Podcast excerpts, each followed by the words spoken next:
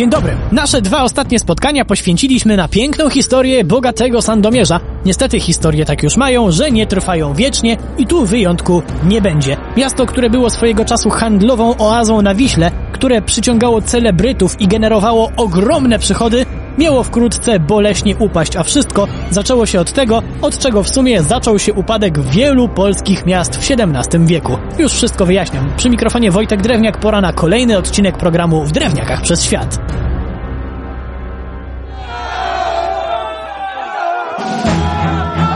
Oczywiście o potworną ofensywę szwedzkiego wojska, która zapisała się w naszej historii jako potop. Mało które miasto wytrzymało nawałnicę. Sandomierz do tych miejsc nie należał. Jesienią 1665 roku Szwedzi weszli do miasta, które swojego czasu zachwycało swoim pięknem i zdewastowali je przeokrutnie, zwłaszcza zamek. To był jednak dopiero początek, bo nie wszędzie pada dość istotna informacja, że potop to nie tylko brutalność Szwedów, to też skutki tego, co po sobie pozostawili. Ruiny i biedy. Wybuchały epidemie, a żeby nie było za wesoło, to jeszcze w XVIII wieku miasto ogarnął wielki pożar. Nic tylko załamać ręce, a do tego dochodził jeszcze pierwszy rozbiór, potem drugi, a potem jak wiadomo trzeci, który zaowocował rządami austriackimi. Tam Sandomierz kompletnie stracił na znaczeniu na rzecz, można mi wierzyć lub nie, ale Radomia. Ktoś, kto wtedy pocieszał się słowami w stylu no już bez przesady, nie może być źle tak długo, za chwilę się wszystko ułoży, był w bardzo ponurym błędzie, bo niebawem przyszedł Napoleon, którego buntowniczą karierę podsumował traktat wersalski o pokonaniu walecznego Francuza. Czy traktat był ważny dla samego Sandomierza? Pewnie, że tak, bo zgodnie z jego założeniami trafiał on teraz w ręce Rosji. To nigdy nie oznacza niczego dobrego, a mieszkańcy szybko się w tym utwierdzili, kiedy carat urządził im na ukochanym zamku więzienie. Świat dla wielu osób się zawalił, ale walić zaczęło się również miasto. Może inaczej, zapadać, bo pod Sandomierzem mnóstwo było podziemnych korytarzy, o które dbano jak były pieniądze. Kiedy jednak ich zabrakło, to szybko dały o sobie znać.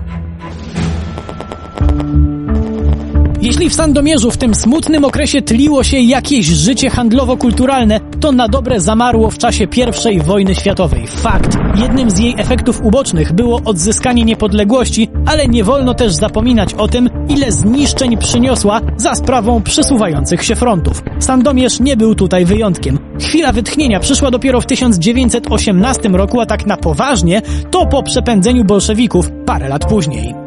Ludzie nieśmiało zaczęli wracać do życia. Handel i kultura stawiały coraz odważniejsze kroki, a dużą część społeczeństwa stanowili Żydzi. Zaczęto odnawiać to, co zrujnowane. Nawet pojawił się taki pomysł, żeby z Sandomierza zrobić centrum centralnego okręgu przemysłowego. Jednak nasi sąsiedzi z zachodu mieli inne plany. Tak wobec Sandomierza, jak i generalnie całego świata. Zaczęła się druga wojna światowa. Każde miejsce w naszym kraju zostało brutalnie dotknięte tą wojną. Sandomierz również i to bardzo poważnie, chociaż zabytki może o tym nie świadczą. Te zachowały się całkiem nieźle. Niestety straszne rzeczy czekały żyjących tam ludzi. Niemcy stworzyli tam obóz jeniecki, obóz robót przymusowych i getta. Tak, getta. Nie jedno, a dwa, w których łącznie zamknięto ponad 13 tysięcy osób. Ponad połowa z nich zginęła w obozach zagłady w Bełżcu i Treblince.